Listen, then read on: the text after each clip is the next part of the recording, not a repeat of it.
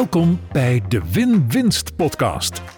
De inspiratiepodcast voor boekhouders en andere financials die willen bijdragen aan financieel gezonde en winstgevende bedrijven. En voor de ondernemers die dat winstgevende bedrijf willen bouwen.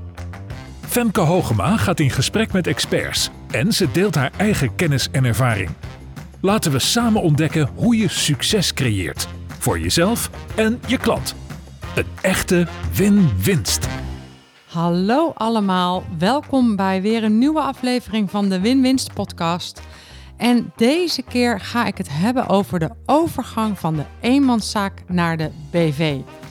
En dat kwam omdat ik in de vakantie een berichtje kreeg van een luisteraar van Elke. En Elke zei: Hey lieve Femke, ik zit lekker te luisteren naar je podcast met Thijs. Wat een topaflevering. Veel aan gehad. Ik had nog een idee voor een aflevering. ZZP'er blijven of overgaan naar de BV. Wat is wanneer de juiste keuze? En niet alleen kijken naar omzet, maar ook naar aftrekposten bijvoorbeeld. Ben benieuwd, kusjes Elke. Ze verwijst hier trouwens naar de aflevering met Thijs Verlangen. Um, aflevering, ik weet niet eens het nummer uit mijn hoofd, maar Thijs Verlangen over de oude dag en vermogen opbouwen. Echt een aanrader, veel geluisterde aflevering. En um, nou, super goede, goede suggestie, Elke. Dankjewel. Dus uh, deze aflevering gaat over de overgang van de eenmanszaak naar de BV. Nu kun je natuurlijk denken van, hey, dit lijkt wel een aflevering speciaal voor ondernemers. En waar blijf ik dan als financial? Maar als je nou financial bent en je weet eigenlijk alles al over dit onderwerp, luister dan eens met een ander oor. Luister dan eens met het simplificeerdersoor. Want wat mijn kracht is, is om complexe en hele grote thema's, zoals dit thema. Dit is een thema waar je een dag over kunt praten. Of als je fiscalist bent, een jaar over kunt praten. Uh, want dan kun je gewoon opleidingen van een jaar in doen. Dus hoe breng je dat nou terug tot de kern? Hoe maak je dat nou behapbaar? Um, hoe vat je dit nou samen in 20 minuten in plaats van een dag, een week, een jaar? Dus luister dan met dat oor als jij die financial bent. Dan begin ik ook weer met een disclaimer. Dit is niet de eerste keer dat ik een disclaimer geef, maar ik vind het heel belangrijk om te vertellen dat ik geen fiscalist ben. Dus ik ga op een toegankelijke en praktische manier de grote lijnen met je doornemen. Maar um, uh, ik ben geen expert, vraag maar niet om de details. En wil je nu wel de details weten en heb je nu vragen hierover of wil je dit proces in, hè, dit proces van eenmanszaak of VOF naar BV, um, dan, dan moet je niet bij mij zijn. Maar je kunt me gerust even een DM'tje sturen, want dan stuur ik je namelijk gewoon door naar iemand die daar wel verstand van heeft. En wat je ook kan doen is ga naar profitfirst.nl, druk dan op de knop ik ben ondernemer en druk dan op de knop ik zoek een Profit First professional. Uh, dan ga ik je namelijk matchen met iemand die hier heel veel verstand van heeft. Ik heb 70 Profit First Professionals opgeleid. En er zitten er een aantal tussen die hier hun vak van hebben gemaakt. Van deze overgang van eenmanszaak naar BV. Daar breng ik je heel graag mee in contact. Uh, en ik zet ook de link daar naartoe in de show notes. Nou, waar ga ik nou met je over in gesprek? Wat zijn de redenen om over te stappen? Dus waarom zou je nou overstappen van een eenmanszaak naar een BV? Dan geef ik je twee hoofdredenen en nog twee bijkomende redenen. Uh, en maar voordat ik dat doe, ga ik een klein stukje theorie in. Namelijk, wat is een rechtsvorm en wat zijn nou de belangrijkste verschillen tussen de eenmanszaak en de BV? Dus ja, uh, droge theorie, maar ik ga het wel heel praktisch voor je maken. En daarna ga ik wat dieper in op twee hele belangrijke zaken, namelijk aansprakelijkheid en fiscaliteiten. En daarna ga ik nog wat praktische dingen noemen. Um, ja, dus, dus dat is wat we gaan doen. Nou, en oh ja, en de reden dat ik mijn boek Fundament van Succes hiernaast heb gelegd. Ik had overigens ook financiën voor ZZP'ers even moeten pakken.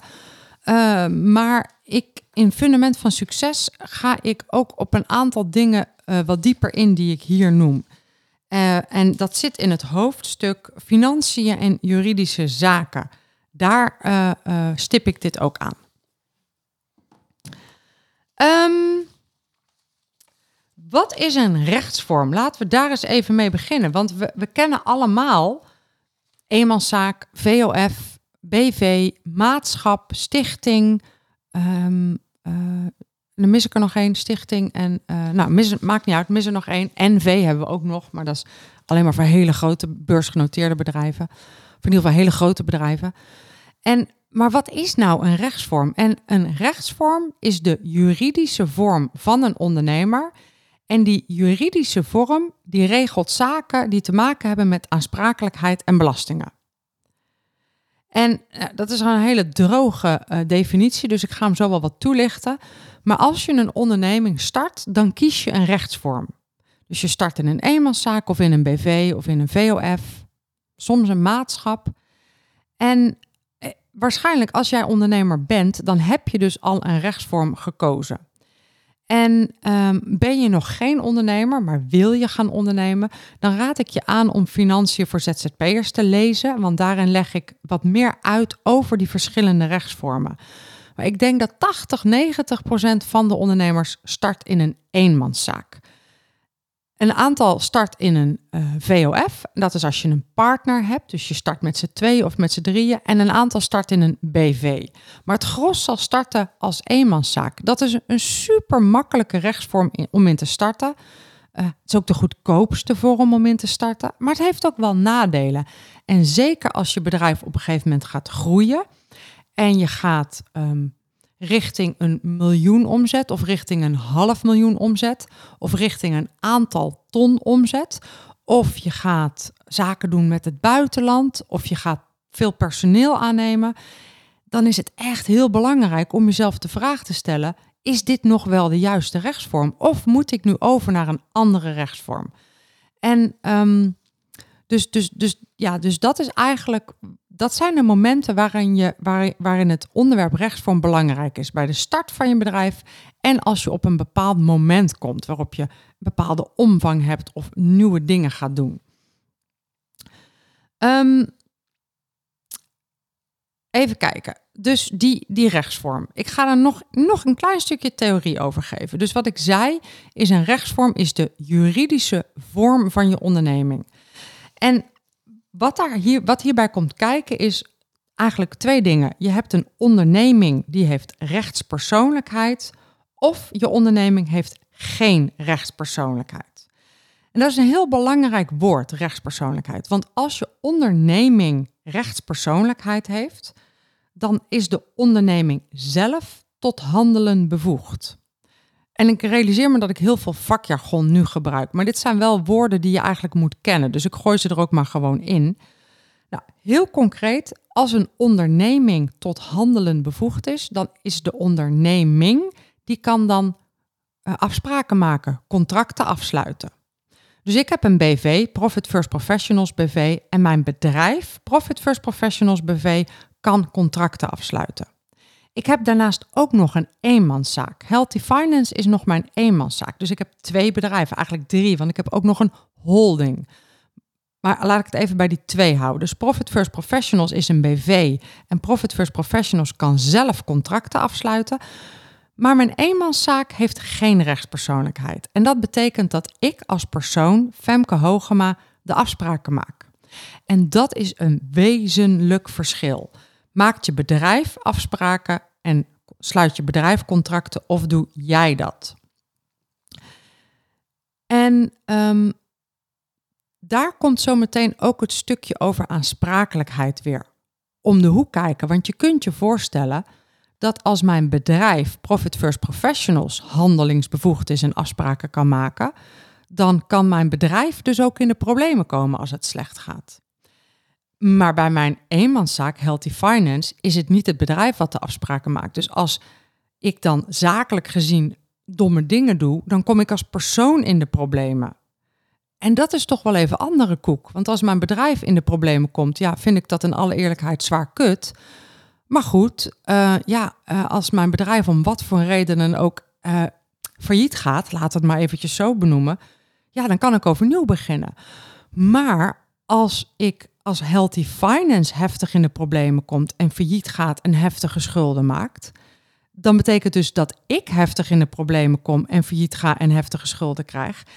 En dan kan ik niet zomaar zeggen van, nou ja, Healthy Finance is eindverhaal, ik begin wel overnieuw. Want met een beetje pech zit ik met de gebakken peren, namelijk schulden.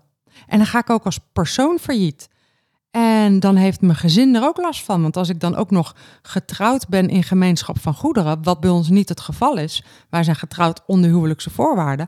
Maar als ik getrouwd was geweest in gemeenschap van goederen, dan had ik ook Bart meegetrokken met zijn auto en zijn hobby's en zijn. En dan had ik de kinderen meegetrokken. Dus, dus dat is echt een heel belangrijk verschil. Um, BV, rechtspersoonlijkheid, eenmanszaak, VOF, geen rechtspersoonlijkheid. BV in de problemen, ja, is vervelend. Maar goed, ik als persoon blijf daar dan buiten. Uh, eenmanszaak VOF, vet in de problemen. Je sleurt de privépersoon daarin mee. Nu is het niet zo dat als mijn BV in de problemen komt, dat ik als persoon Femke Hogema meteen helemaal gevrijwaard ben van alle problemen. Uh, daar ga ik zo meteen nog wat meer over zeggen. Maar ik ben niet helemaal gevrijwaard. Maar ik maak de risico's wel minder groot dat ik als privépersoon mee word getrokken de diepe afgrond van ellende in. Dus dat is een heel belangrijk ding wat je moet weten over rechtsvormen. Namelijk de juridische vorm en heb je, ben je wel of niet, heb je wel of niet rechtspersoonlijkheid. Oké, dat gezegd hebbende gaan we eens even daarheen wat jullie willen weten. Namelijk, wanneer moet ik nou overstappen van die eenmanszaak of van die VOF naar die BV? En um, laten we heel even kijken. De meeste ondernemers starten in een eenmanszaak. Waarom is dat nou? Nou, is super simpel. Je fietst letterlijk naar de Kamer van Koophandel. Je moet wel de goede spullen meenemen, anders dan kun je weer terugfietsen. En dan zeg je, ik wil een eenmanszaak starten. En dan betaal je, weet ik veel, 50 euro. Ik weet het niet. Ik heb het niet. Google het even. Ik weet het niet. En dan heb je een eenmanszaak. Um, zo simpel kan het zijn. Het kost verder niet zoveel. Je betaalt een paar tientjes per jaar, denk ik. Weet ik niet eens. En um, dan heb je een bedrijf. En dan heb je een Kamer van Koophandelnummer. Dan komt de Belastingdienst ook meteen om de hoek kijken. Die stuurt je vanzelf een berichtje. hey, ik zie dat jij een bedrijf hebt. Zullen we het ook even over de BTW hebben? Dat soort dingen. Maar dan ben je gestart. Meer is er niet. Kamer van Koophandel, partientjes betalen, bedrijf. En bij een BV is dat wel even anders. En bij een VOF trouwens ook. Een VOF is net iets simpeler. Het is eigenlijk hetzelfde verhaal. Maar omdat je een VOF meestal met, ja, met een partner doet, het is een vennootschap onder firma, dus een meerdere partners, is het wel handig om het te hebben over contracten. Uh, wie gaat wat doen? Hoe gaan we doen met de, met de omzetverdeling, met de winstverdeling? Hoeveel salaris krijg je? Dus daar, daar moet je echt wel even wat contracten afsluiten. Daar wil je expertise bij halen. Dus dat kost meteen al wat meer geld. BV is een heel ander verhaal. Bij een BV ehm, heb je, moet je contracten hebben. Um, moet je uh, naar een notaris. Um, moet je een salarisadministratie starten. Dus daar komt veel meer bij kijken. Het is allemaal niet onmogelijk, maar het is ook niet, het is ook niet zo goedkoop en zo eenvoudig als een eenmanszaak. Daarom starten gros van de ondernemers start met, om die reden met die eenmanszaak. Lekker simpel, hop, gedaan en ik ben gestart. Ik ben ondernemer, ik kan mijn dingen gaan doen. Nou, ik zei het net in de introductie al even. Er komt een moment, mogelijk, misschien ook niet, maar er komt een moment dat je denkt, nou, misschien moet ik toch eens over naar die BV. En wanneer doet dat moment zich nou voor? Nou, er zijn twee hoofdredenen en nog twee bijkomende redenen. De eerste hoofdreden gaat over aansprakelijkheid. Een hele belangrijke vraag die je jezelf op een bepaald moment wil stellen is: wil ik nog wel, zoals dat heet, die hoofdelijke aansprakelijkheid dragen? En ik noemde het net al, je wilt niet dat als jouw bedrijf uh, in slecht weer komt, dat jij met je privésituatie helemaal wordt meegetrokken down the drain. De verantwoordelijkheid dat jij en je bedrijf één zijn, dat is bij de eenmanszaak. Jij en je bedrijf zijn één en dezelfde. Die wil je niet altijd blijven dragen. Die wil je niet blijven dragen als je het gaat om heel veel meer geld. Als je um, meer per, als je personeel krijgt of meer personeel, de verantwoordelijkheid voor die voor personeel, voor salarisbetalingen, voor de hogere belastingen. Ja, die wil je op een gegeven moment misschien niet meer helemaal zelf dragen. Dan wil je liever dat een bedrijf, een BV, een rechtspersoonlijkheid die verantwoordelijkheden draagt. Als je zaken gaat doen met het buitenland en daar contracten mee afsluit. Voor mij was een van de belangrijkste redenen om over te gaan naar de BV, was dat ik zaken ging doen met Amerika, met Profit First Professionals in Amerika. Mijn man zei terecht, nou, in Amerika hebben ze wel een aardige cultuur van elkaar aanklagen. Ik weet niet of ik dat wel wil. Ik weet niet of ik dat risico wil, wel wil lopen. Ga jij maar naar de BV. Dan heb ik niet meer die hoofdelijke aansprakelijkheid. Tot op bepaalde hoogte ga ik nog toelichten. Dus dat is de eerste. Wil ik die aansprakelijkheid nog wel als persoon dragen? De tweede belangrijke keuze gaat over geld. Is een eenmanszaak of een VOF fiscaal dus belastingtechnisch nog wel de beste keuze. Heel veel ondernemers die denken dat als je een ton omzet draait, dat je dan dus over moet naar de BV. Nou, dat is echt kul. Dat is gewoon niet waar. Wanneer het fiscaal aantrekkelijk wordt, verschilt sowieso per bedrijf. Dus daarom heb je ook een expert nodig om dit voor je uit te gaan rekenen. Wat is voor jou nou fiscaal gezien de beste keuze? Haal daar echt een expert bij en ik breng je graag in contact met zo'n expert.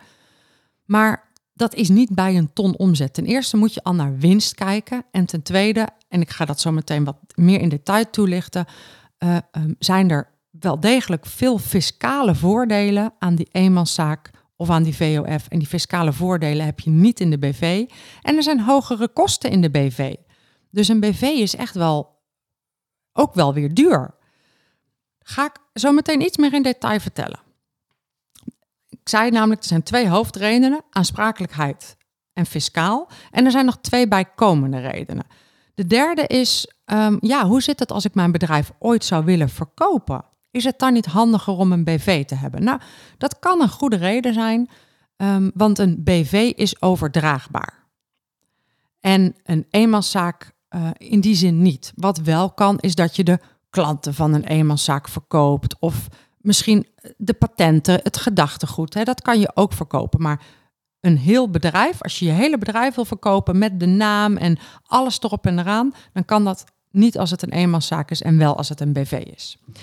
En de vierde reden is, wat gebeurt er eigenlijk met mijn bedrijf als ik kom te overlijden? Dat kan ook een reden zijn om naar een BV te willen. Want ik zei het aan het begin al, een BV is van zichzelf iets. Dus dat blijft ook bestaan als jij doodgaat.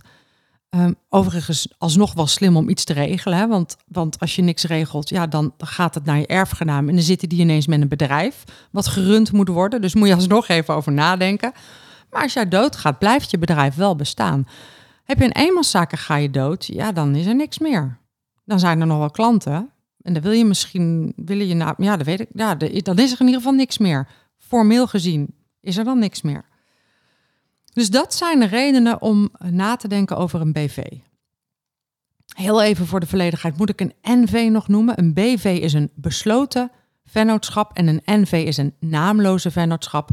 Een NV komen wij helemaal niet tegen in onze wereld van het MKB. Een NV die heeft aandelen die ook um, zomaar vrij overdraagbaar zijn. Dus daar moet je echt kijken naar de grote bedrijven, de Aholds, de Shells. Dus daar hebben we het helemaal niet over. Alright, die aansprakelijkheid. Dat is dus een allereerste reden. En ik wil dat even wat, wat verder toelichten. De aansprakelijkheid is een heel belangrijk vraagstuk. En wat ik net al zei, is als je een BV hebt, dan ben jij als directeur, als DGA, directeur groot aandeelhouder, in de basis niet privé aansprakelijk voor de schulden van de onderneming. Dus als de BV failliet gaat, dan gaat de BV failliet en heeft dat in de basis geen impact op jouw privéleven. Dus je kunt nog steeds in je villa blijven wonen en je Ferrari blijven rijden. Even, hè, even overdreven. Maar dat is niet altijd zo. Want als je bedrijf failliet gaat, dan, gaat de, uh, dan wordt er gekeken naar hoe heb jij als directeur je bedrijf aangestuurd. En als er sprake is van misbruik, of onbehoorlijk bestuur, dan gaan ze je alsnog persoonlijk aansprakelijk stellen. En er zijn een paar hele basisdingen die al onderdeel zijn van onbehoorlijk uh, bestuur. Bijvoorbeeld als je een BV hebt, dan moeten de cijfers van je BV, de jaarcijfers, een verkorte jaarrekening, een verkorte balans en een verkorte winst- en verliesrekening, die moet je deponeren bij de Kamer van Koophandel. Vergeet je dat, dan is dat al onbehoorlijk bestuur. En gaat je bedrijf dan failliet? Ja, dan kunnen ze je alsnog persoonlijk aansprakelijk stellen. Maar ook, stel je nou voor dat jij een BV hebt en het gaat niet zo lekker. Misschien is er wel een crisis, een coronacrisis of een andere crisis. En je denkt, ja, kut, het gaat niet zo lekker. En je gaat dan een aantal um, schuldeisers niet meer betalen. Dus een aantal facturen ga je niet meer betalen. Maar een aantal facturen wel. Want je vindt het sneu om die niet te betalen. En dan ga je dus voortrekken. Ja, dat mag niet. Dat is, dat is onbehoorlijk bestuur. Of nog erger, je gaat denken, ja, het gaat niet zo goed met mijn bedrijf. Ik ga in ieder geval mijn eigen salaris wel betalen en ik haal ook nog een beetje extra uit mijn bedrijf. Ja, dat is eigenlijk misbruik. Dus dan word je alsnog privé aansprakelijk gesteld. Um, ik zei net al, ik ben geen expert. Dus, dus als er nu een expert zit te luisteren en die zegt: Oh, Femke, het zit net niet helemaal zo. Ja, dat zou kunnen. Dit zijn de grote lijnen. Zo zit het wel ongeveer. Maar het zou kunnen dat ik ergens, ergens een detail natuurlijk verkeerd doe, want ik ben, geen, ik ben niet die expert. Wat hier belangrijk aan is, is niet de details. Want voor die details moet je wel echt straks naar die expert. Maar je moet snappen dat je in de basis niet persoonlijk aansprakelijk bent. Maar als je dingen fout doet, niet volgens de regels doet of misbruik maakt van de situatie, ben je alsnog persoonlijk aansprakelijk. Um, eens even kijken. Dus, uh, want ik zit ook mijn aantekeningen even door te kijken. Um, dus je moet je zaakjes goed voor elkaar hebben. Um, dan, dus dat was de eerste die ik echt wat beter wilde toelichten. Die aansprakelijkheid, die is dus ja, heel prettig. Hè? Dat, dat, dat je niet privé wordt meegesleurd. Maar let op, onbehoorlijk bestuur en misbruik. Want dan ga je alsnog zelf mee down the drain. Dan de fiscale gevolgen. En dat willen jullie natuurlijk allemaal weten. En misschien wil je zelfs wel een getal horen. Wil je zeggen, ja, wil je weten, ja, wanneer moet ik nou over? Um, waar gaat het over? Het gaat hier over. Heb je een bedrijf, dan betaal je belasting over de winst. Dus laten we het heel simpel maken. Je hebt een bedrijf, je draait omzet. Laten we zeggen, je draait 100.000 euro omzet per jaar. En dan heb je kosten. je hebt diverse kosten. Je hebt gewoon uh, verzekeringen en uh, je computer en misschien personeel. Je hebt kosten. Laten we zeggen, voor het gemak, je hebt 40.000 euro kosten. 100.000 euro omzet min 40.000 euro kosten is 60.000 euro winst. Die 60.000 die gaan we even als voorbeeld gebruiken. Over die 60.000 euro winst betaal je belasting. Maar het maakt uit of je een eenmanszaak of een eh, VOF of een BV hebt. En ik ga het vanaf nu hebben over eenmanszaak en BV. Heb je een VOF, dan lijkt dat het meest op een eenmanszaak. Alleen heb je dan meerdere partners, meerdere, meerdere mensen die ook belasting betalen. Um, heb je een eenmanszaak, dan betaal je wel degelijk belasting over die winst, dus over die 60.000 euro, maar je betaalt inkomstenbelasting over die winst.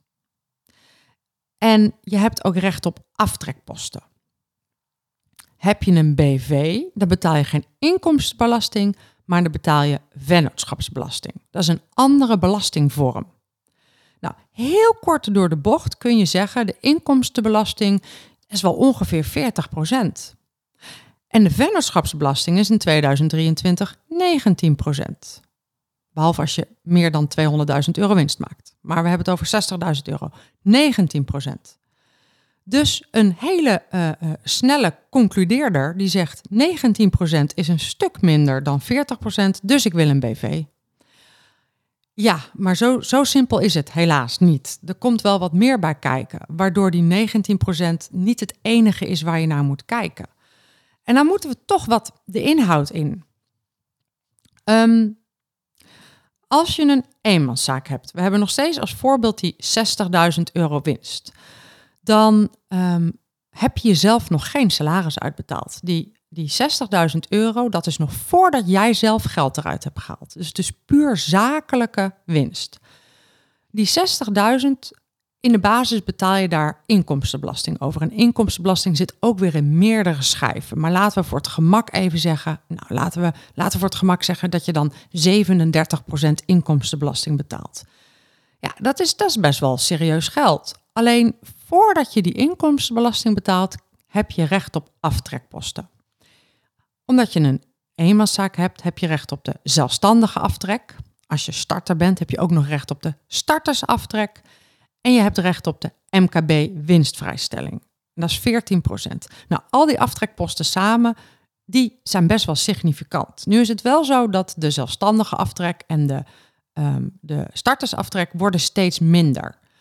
Dus, dus, dus in die zin zou je kunnen zeggen dat een BV steeds voordeliger wordt. Ja, dat zou kunnen. Uh, ze worden in ieder geval steeds minder, die aftrekposten. Maar je hebt ze wel, die aftrekposten. Dus van die 60.000 euro winst gaat er eerst wat geld, een bedrag af voor de um, uh, zelfstandige aftrek, startersaftrek, MKB-winstvrijstelling. En dan heb je een, een belastbaar bedrag over. Dan uh, heb je nog meer aftrekposten. En dat, dat zijn de zogeheten privé-aftrekposten. Stel je voor dat je een arbeidsongeschiktheidsverzekering hebt, dan mag je die premie ook aftrekken. Uh, draag je bij aan de oude dag via uh, banksparen of bankbeleggen? Luister even de podcast met Thijs Verlangen en de aflevering daarvoor met mij. Dan leg ik dat allemaal uit. Dat is fiscaal aftrekbaar. Dan heb je ook nog de, de, de, de aftrekposten waar iedereen in Nederland in principe recht op heeft. De heffingskorting, de arbeidskorting. Nou, al die aftrekposten bij elkaar maakt dat je uh, helemaal niet 37% ongeveer over die 60.000 euro betaalt. Je betaalt over een veel lager bedrag belasting. Wil je dat precies weten? Koop dan even voor een paar tientjes mijn training uh, eh, IB voor ZZP. Dus IB van inkomstenbelasting, www.ibzzp.nl. Volgens mij is die 60 euro en daar leg ik dit helemaal in detail uit met een rekenmodel. Die link zet ik ook in de show notes. Dan betaal je dus veel minder over een veel minder groot bedrag dan over die 60.000 euro betaal je belasting. Pas nadat je dit allemaal hebt afgetikt, pas daarna haal je privé-inkomen eruit. Dus dat is belangrijk om je te realiseren, dat je privégeld haal je er pas uit nadat je belasting hebt betaald. Dus het is niet zo dat als jij meer salaris uit je eenmanszaak haalt, dat je dan minder belasting hoeft te betalen. Helaas, zo werkt het niet. Door die aftrekposten die ik net allemaal noemde, betaal je dus significant minder belasting dan dat je eigenlijk denkt. Nou, dat was de eenmanszaak, ook de VOF. Gaan we naar de BV, dan heb je een heel ander plaatje. Ten eerste, stel je voor dat we diezelfde omzet hebben, 100.000 euro, diezelfde kosten, 40.000 euro, dan heb je ook nog een salaris. Een verplicht salaris. Dus laten we zeggen dat dat ook nog eens 40.000 euro is. Kom ik zo nog even op terug of dat bedrag mag, want dat is eigenlijk vrij laag. Nou, laten we zeggen 50.000 euro, want dat is namelijk reëler. Dan hadden we dus 40.000 euro kosten, 50.000 euro salaris. Dan houden we nog maar 10.000 euro winst over. Dat is een heel ander plaatje. Uh, over die 10.000 euro winst die dan overblijft, daarover betalen we slechts 19% belasting. Dat is een heel simpel sommetje, dus dat is dan het voordeel. Alleen die 50.000 euro salaris die je zelf hebt uitgekeerd, ja, dat gaat gewoon via een standaard salarisstrookje en daar betaal je dus loonbelasting over. En die loonbelastingtarieven, ja, dat zijn diezelfde tarieven die we net al benoemden bij je belastingen van de, van de inkomsten van de eenmanszaak. Alleen nu zonder al die aftrekposten. Ja, nog steeds wel aan het eind van het jaar de arbeidskorting en de heffingskorting. Dus die persoonlijke aftrekposten nog steeds wel. Maar, ehm, eh, en je hebt ook nog steeds recht op, op bepaalde uh, kortingen, zoals voor pensioen en dat soort dingen. Uh, nogmaals, ga daar ook even die experts over raadplegen. Daarom hebben we zoveel experts, omdat dit best wel complex eh, vakgebied is. Maar um, omdat je verplicht een salaris moet uitbetalen aan jezelf als je een BV hebt en je over dat salaris gewoon loonbelasting betaalt zonder dat je recht hebt op zelfstandige aftrek, startersaftrek, MKB winstvrijstelling, zou het zomaar kunnen zijn dat je dus veel meer belasting betaalt binnen die BV. Want je hebt niet meer die leuke ondernemersaftrekposten. Dus dat is echt heel belangrijk om je te realiseren. Ja, dan kun je zeggen, ja, dan doe ik wel wat minder salaris, dan doe ik wel 20.000 euro salaris. Maar dat mag niet zomaar. Uh, op dit moment is het verplichte uh, DGA-salaris 51.000 euro. Dat is in 2023. Dus je bent min of meer verplicht om jezelf 51.000 euro bruto op jaarbasis aan salaris uit te betalen. Nu zijn daar een aantal uitzonderingen op, maar dit is wel de basis. Dus als je genoeg inkomen hebt, als je genoeg verdient, moet je jezelf gewoon dat salaris geven. Sterker nog, ehm, heb jij een, een bedrijf waarin eigenlijk al je omzet wordt gemaakt door jouw uren. Bijvoorbeeld, je bent een advocaat en jouw tarief is 350 euro per uur. En je maakt uh, zoveel uren als advocaat, ja, dat jij vet boven, uh, nou ja, dat je, weet ik veel, drie ton omzet draait per jaar. Kan natuurlijk makkelijk met dat soort tarieven, ook wel vier ton omzet. Dan zeg je, nou, dan ga ik lekker naar die BV, dan uh, haal ik 51.000 euro um, salaris eruit. En dan over de rest hoef ik maar 19% belasting te betalen. Ja, maar zo werkt het ook weer niet. Want dan zegt op een gegeven moment zegt de fiscus: ja, maar met dit bedrijf, dit bedrijf, met jouw bedrijf, is het reële salaris veel hoger dan 51.000 euro. Dus moet je meer salaris eruit halen. Dus er zijn heel veel haken en ogen waar je op moet letten. Dus je kunt niet zomaar zeggen: dan neem ik wel minder salaris. Um, als je dit allemaal door laat rekenen, zou het zomaar eens kunnen dat zelfs met een half miljoen omzet of met een miljoen omzet een eenmanszaak nog steeds goedkoper is. Alleen wil je dan natuurlijk zeggen, denk je dan waarschijnlijk ja, maar die aansprakelijkheid is voor mij ook relevant. Maar realiseer je dus dat je niet zo snel kunt zeggen, een BV is goedkoper. Dat valt best wel vies tegen. Dan is er nog iets waar je op moet letten, namelijk Um, het hebben van een BV is veel duurder dan het hebben van een eenmanszaak of een VOF. Want je moet meer accountantskosten betalen. En dat komt door een aantal dingen, of boekhoudkosten, maar dat komt door een aantal dingen. Vaak heb je niet één BV, maar meerdere BV's. Je hebt bijvoorbeeld een werkmaatschappij en een holding. Uh, dan moeten voor beide bedrijven moeten een boekhouding worden gevoerd, moeten jaarstukken worden opgemaakt, moeten die worden gedeponeerd en moet belastingaangifte worden gedaan. Er worden ook hogere eisen gesteld aan de jaarstukken. Daardoor is het ook duurder. Maar je moet ook een salarisadministratie voeren. Die salarisstroken zijn niet gratis. Dus je moet een salarisadministratie voeren. Nou, het is allemaal niet de wereld, hè, maar het kost allemaal wel geld. Um, dus omdat een BV ook nog duurder is dan een eenmanszaak, is dat eigenlijk een tweede reden waarom je niet te snel, als het gaat over financieel voordeel, niet te snel moet denken: ik ga lekker naar de BV.